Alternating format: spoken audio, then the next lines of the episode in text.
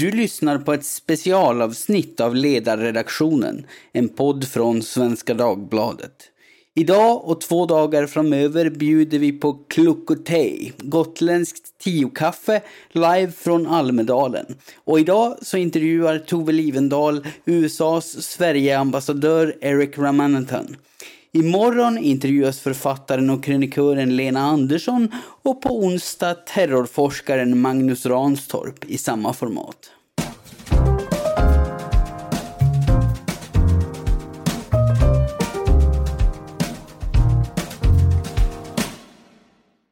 Välkomna säger vi till Svenska Dagbladet och Klucketej. Vi hade under flera år ett koncept som uppfanns här i Almedalen som hette Elvakaffet. Men eh, nu har vi anpassat oss till den gotländska traditionen som förespråkar kaffe redan klockan tio, det vill säga Klucketej. Och vi gör det här i samarbete med kaféet Ett rum för resande som eh, ser till att vi har kaffe och goda bakverk. Och har ni inte provat så rekommenderar jag att ni tar del av deras sortiment. Och jag kommer i tre dagar hålla kaffesamtal på den här platsen. So, it is a great pleasure to have the United States Ambassador, Eric Ramanathan, with me at the coffee table today. A very warm welcome to Almedalen and Gotland, Eric. Thank you so much, Tova. This is really wonderful to be here. I've really enjoyed uh, being here on Gotland and being here in Visi. It's great having you here. You arrived in January this year. How has your time in Sweden been so far?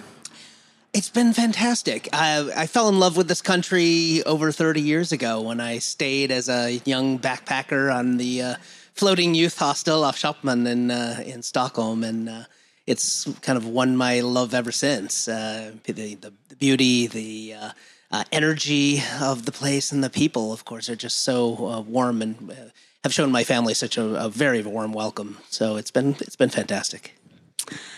This is a special day. Happy Independence Day. Oh, thank you. Thank you. What does this day mean to you? Well, you know, Independence Day is it's it's a joyous day. It's a birthday. Um, it's uh, a day that we gather with our friends and family and uh, set off fireworks, uh, and uh, which kind of match the boisterous, rambunctious spirit of uh, of America. And uh, we really uh, we, I think we really celebrate that. Of course, this year uh, there's a bit more of a solemn uh, reflection side to things as well, as we remember, as we you know uh, stand uh, in solidarity with Ukraine and who are. and Putin's very terrible um, invasion, uh, unprovoked invasion of of Ukraine, and that reminds us, I think, of our our own origin stories, the the tyranny that we fought 246 years ago um, to uh, to win our own freedom, and that's uh, that's poignant as well. To be taken by the history of this day, I guess. Absolutely. Mm. Uh, in my view, uh, the US is an amazing country in all possible re regards.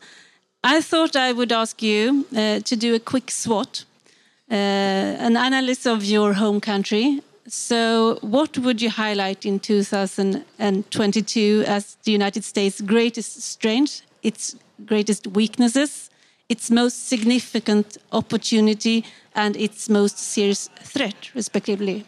Well, thank you. Uh, it's it's and it's good to have the ability to reflect on that because I think it's one of our strengths that we have uh, always been very self-reflective as a country, and I think a lot of our strength is in our diversity and in our opportunity, uh, the you know the openness of opportunity uh, in America.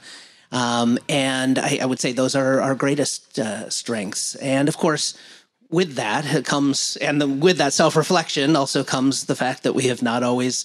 Uh, we've there have been problems along the way uh, as well. Uh, that that there is a uh, you know we're a country where there was uh, the original sin of slavery uh, uh, that um, has held so many uh, back and been so cruel uh, in its own in our own legacy.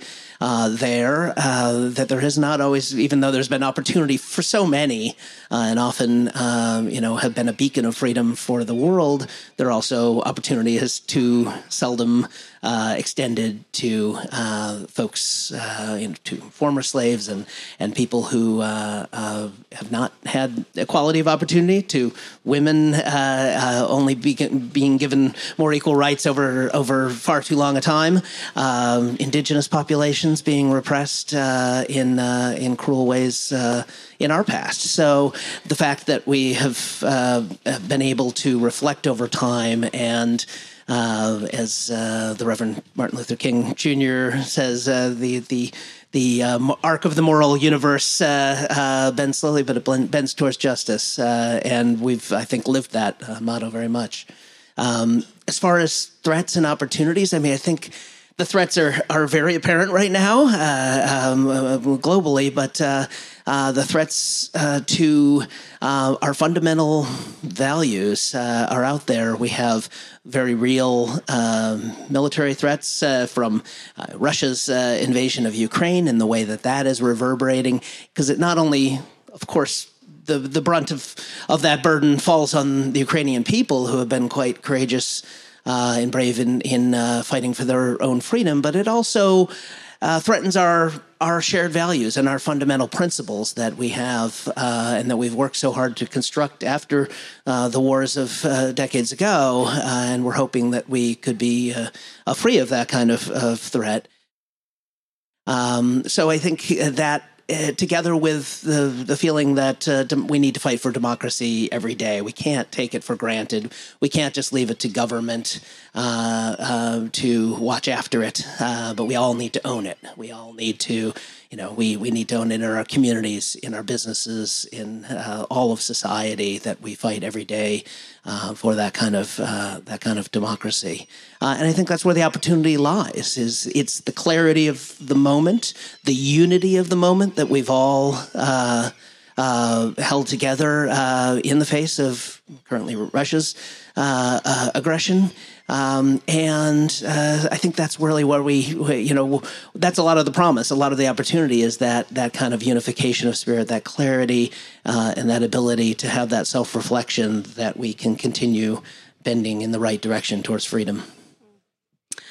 I was uh, recently in Washington, D.C., uh, and walked past the Capitol building uh, just as clips were televised from the first hearing held by the House Select Committee what do you consider to be the most important lesson learned from that? Uh, what has been uncovered thus far?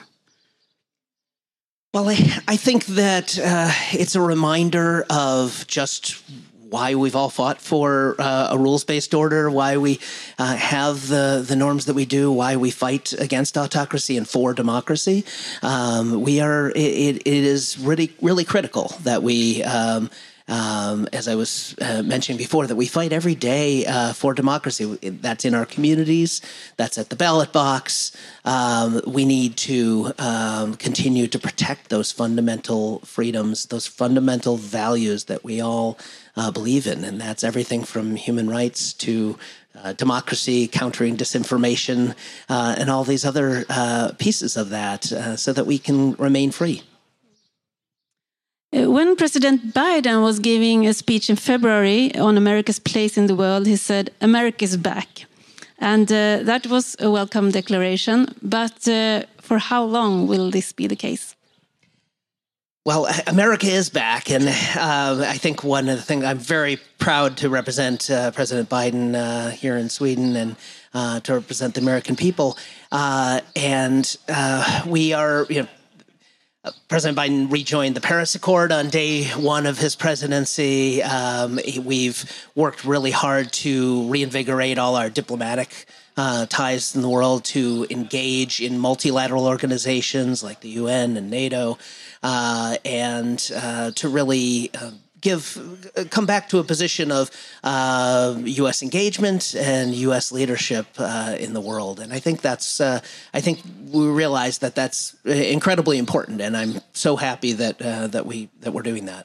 At that conference uh, I visited in DC, there were many speculations what would happen after 2024, and uh, the question I just said for how long the American leadership will last, whether you will have a change of presidency again.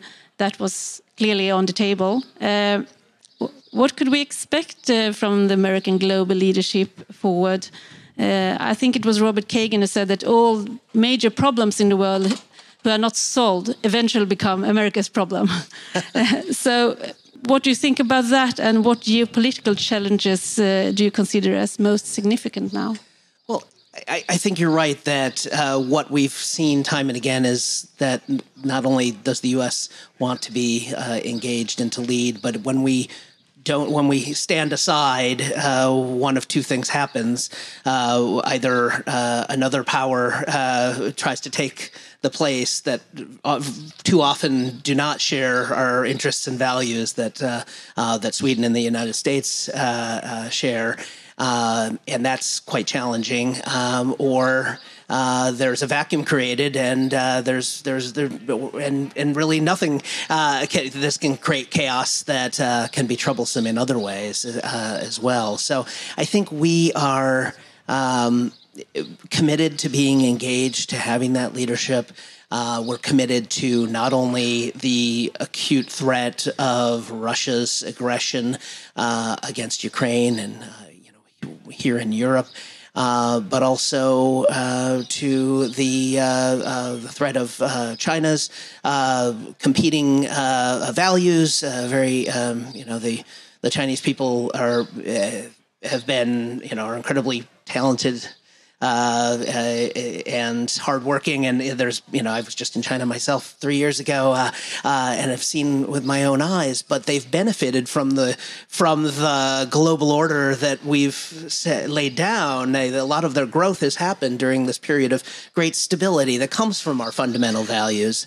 Uh, and now, under the leadership in China, there is a real uh, effort to subvert that and uh, to have a very different kind of uh, vision of uh, uh, the global order, uh, which involves everything from breaking trade norms to uh, illegal, uh, you know, maritime claims, uh, mass surveillance, and things like that that are very much not compatible with the world order that we all cherish and have thrived under. So, so that's another threat, and of course, the existential threat of climate change is uh, is out there as well and is a, um, uh, a multiplier effect for all these other threats in the world because it's creating uh, greater uh, migration and greater distress and greater food insecurity and all these things that uh, destabilize the world. Considering all those challenges, uh, do you yourself look upon the future in bright or dark light? Well, at my core, I'm an optimist, and I think uh, the president and I share that. Uh, uh, we, you know, I do believe that as difficult as these challenges can be, we do know where we need to go. We do know what needs to be done. We the fact that we have such great unity right now uh, in Europe and certainly bilaterally between the United States and Sweden uh, is a real testament to uh, a real moral clarity about what needs to be done. So even though we have uh, you know, I'm, i have a background as an endurance swimmer as a uh, when I was young, and uh, we had, uh, you know, everything. you've got the, you know, the the, the sharks uh, coming at you from from Russia, aggression. We've got, you know, a big ship looming in the in the distance yeah, from China's kind of competing um, moral code or, or destabilization. We've got the waters rising and the algae blooming around around us uh, that makes the, the waters cloudy. But we really, we know that if we just keep swimming in this, you know, in this uh, condition, we will get to where we need to be. You know, I love metaphors. you, you, just made my day.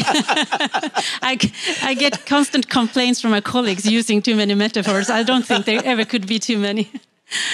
Uh, what will Sweden and Finland joining NATO mean for the NATO and for the US? Well, I, I, think it's uh, first of all we we welcome and strongly support uh, uh, Sweden's uh, momentous decision to join NATO. Um, it's really uh, it is quite uh, quite historic, and I realize that's been a, a very significant change self-reflectively within uh, Sweden uh, on that, and we really celebrate uh, that because we know that Sweden will bring. Uh, to the alliance, such strength, such we have such a skillful military here. I've really enjoyed my visits to to the army and navy and air force all here in uh, in Sweden in my time and meeting with military leaders. What we do as diplomats can't exist without strong militaries, uh, uh, and we. Uh, but uh, and there's just so there's just so much that they already bring to the table. Been partners with the United States for decades, centuries, uh, and I, we know um, how helpful uh, Sweden has been as partners in various missions and the like, and to be able to come into the alliance fully and do planning together and to be able to be full uh, allies, we, we really look forward to welcoming Sweden into the alliance. Thank you. I'll say. Uh, I'm sure you're aware of the reaction in the Swedish public debate following the decision of the United States Supreme Court to overturn Roe versus Wade uh, respecting your diplomatic role, of course, what can you say about the situation? Well, I think the the consequences of the decision, the impact of the decision, I'm I'm I'm quite concerned. Uh, it's a uh, a real um, there is a uh, loss of dignity of autonomy to our women and girls um, uh, that are uh, involved with uh, this. The impact of this decision is likely to have, and there's a direct threat uh, potentially to their health and well-being uh, if people are not able while there is are many different approaches within the the states of the United States and uh, considerable differences in access and availability of, of abortion, and there'll be continue to be that. The fact that anybody would have to be mobile uh, in a time that they have reproductive uh, needs is uh, is just um, it's it's damaging. Um, so I will say that as a diplomat and the foreign policy of the Biden administration remains sexual and reproductive health and rights is a centerpiece of our foreign policy. We are the largest bilateral uh, uh, donor to uh, sexual and, and, reproductive health around the world. Uh, and it is something that I will continue as a diplomat to be fighting for, uh, to be dedicated to as a core human rights uh, principle. We have more fighting to do even you know internally to keep our democracies and keep our freedoms and we see even a freedom that may have been uh, you know was uh, uh, considered fundamental for decades uh, can still be a threat Speaking of other threats, then, following the mass shootings in Oslo, uh, the local Pride parade was cancelled. Uh, you have long been an LGBTQ plus community leader, and you have been married to a man for the past 30 years. what are your thoughts on the attack uh, in Norway and the consequences of it?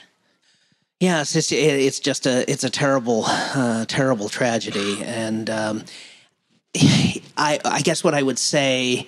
Uh, most of all, beyond you know that that we're grieving together and that we we stand together with Norway hoping, um, you know, while Norway's uh, Pride festivities, for instance, were uh, were understandably uh, canceled after the tragedy, um, we hope that they'll come to Stockholm and march with us in August, and we hope that they'll accept our solidarity uh, in all kinds of ways because this is something I personally uh, will be fighting for, for have fought for every day of my career, and will uh, uh fight to the end for.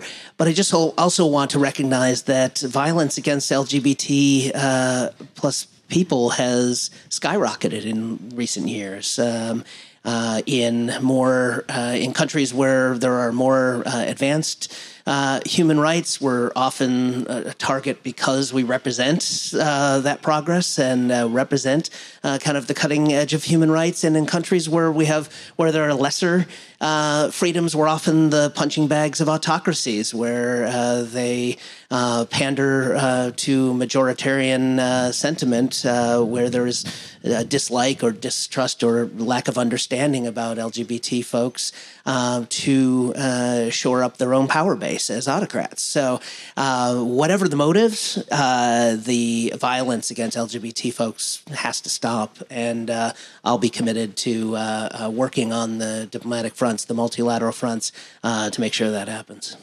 But why is it so that it has skyrocketed? What is the analysis behind that?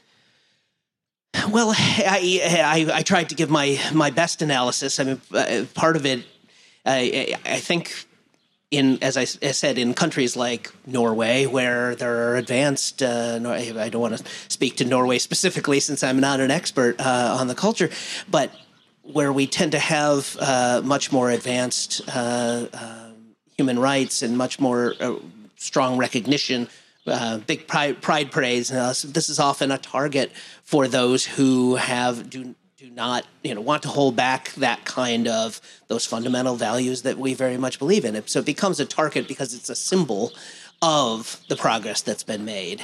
In other countries, you know, uh, where there's still deep distrust or uh, you know a very different uh, situation for LGBT folks, um, it's often targets for, for different reasons because there there is a majority that is against them, and it's a way by by uh, targeting LGBT folks. There's a, a way often of uh, autocratic governments of saying these are your scapegoats. These are your these are the people who are wrong. Uh, you don't like uh, uh, the gay folks. You don't like uh, these transgender folks. They're the threat. They're the outsiders to society. Follow me uh, and I will, uh, you know, and I will protect you. Uh, it's a way of pandering for. So those are the two modalities that we see the most. But um, you know, beyond that, I think there is uh, there's just tremendous ups, upheaval in society. COVID has uh, has closed so many doors, made uh, communities often isolated from each other. So there are many different possibilities. Um, but one thing I know is that it needs to be researched more, and we need to act against it.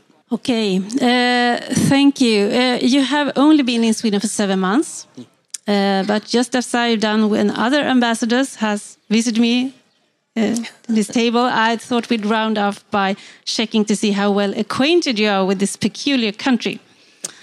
Uh, so I have three questions for you. Uh, we have just had Midsummer and the Swedish Midsummer celebration, and some people would say that is the real Swedish National Day the actual day of, uh, where we celebrate our country. How would one celebrate a Swedish midsummer? and I'm very sad, by the way, that I, have I've missed Midsummer this uh, year because I was back in Washington for uh, uh, for our uh, ambassadors uh, uh, global ambassadors conference. But I, I, I, I won't admit that I've seen, an but no, no, but I, I will. you know, we we we would have the maypole, and we would certainly. Uh, drink and, and, dance into the evening, uh, and, and, you know many many many wonderful uh, uh gatherings, uh, a feast with our families perhaps, and uh, and the rest. Oh, that, that, I think that is it is a good answer. I think you got, got to grasp of it. A, a very important concept in Sweden is lagom. What is that? Well, lagom is the the concept of enough in the sense of um, you know, having a balance, having a balance in life. Um, some that whether that's a work work life balance or a balance between um, other uh, pieces of what we do, so that you know because this is one short life, and we we have to have that kind of um, you know you need to balance your your your like said your work and your personal time. You need to balance between your family and your ambitions. You need to all of this uh, is is is central to to Sweden's identity. You sound very positive towards the concept. Absolutely. Well, if this is if being outdoors in a garden on uh, in Visby is uh, is not a, a, perf a, perfect place to uh, to do business, then I don't know what is. So the third and final question: What is a Swedish fika? Ah. Well, I think we're having one right now. Although I'll admit I've been a, a bad Swede and that I have not yet touched my coffee, but but uh, I will. I'll do that now. Okay, I think you passed with uh, with no. You, you, will get three stars here from your performance. U.S. Ambassador Erik Ramanathan, thank you so much for joining me today. Thank you so much for having me. This has been lovely. Du har lyssnat på ett specialavsnitt av Ledarredaktionen. Ytterligare två livepoddar kommer senare den här veckan. Imorgon med författaren och krönikören Lena Andersson och på onsdag med terrorforskaren Magnus Ranstorp. Om du har några frågor eller funderingar så får du som vanligt gärna höra av dig till ledarsidan svd.se Producent, det är jag, Jesper Sandström. Intervjun gjordes av Tove Livendal och ljudtekniker på plats i Visby var Kalle Wiman. Tack för den här gången.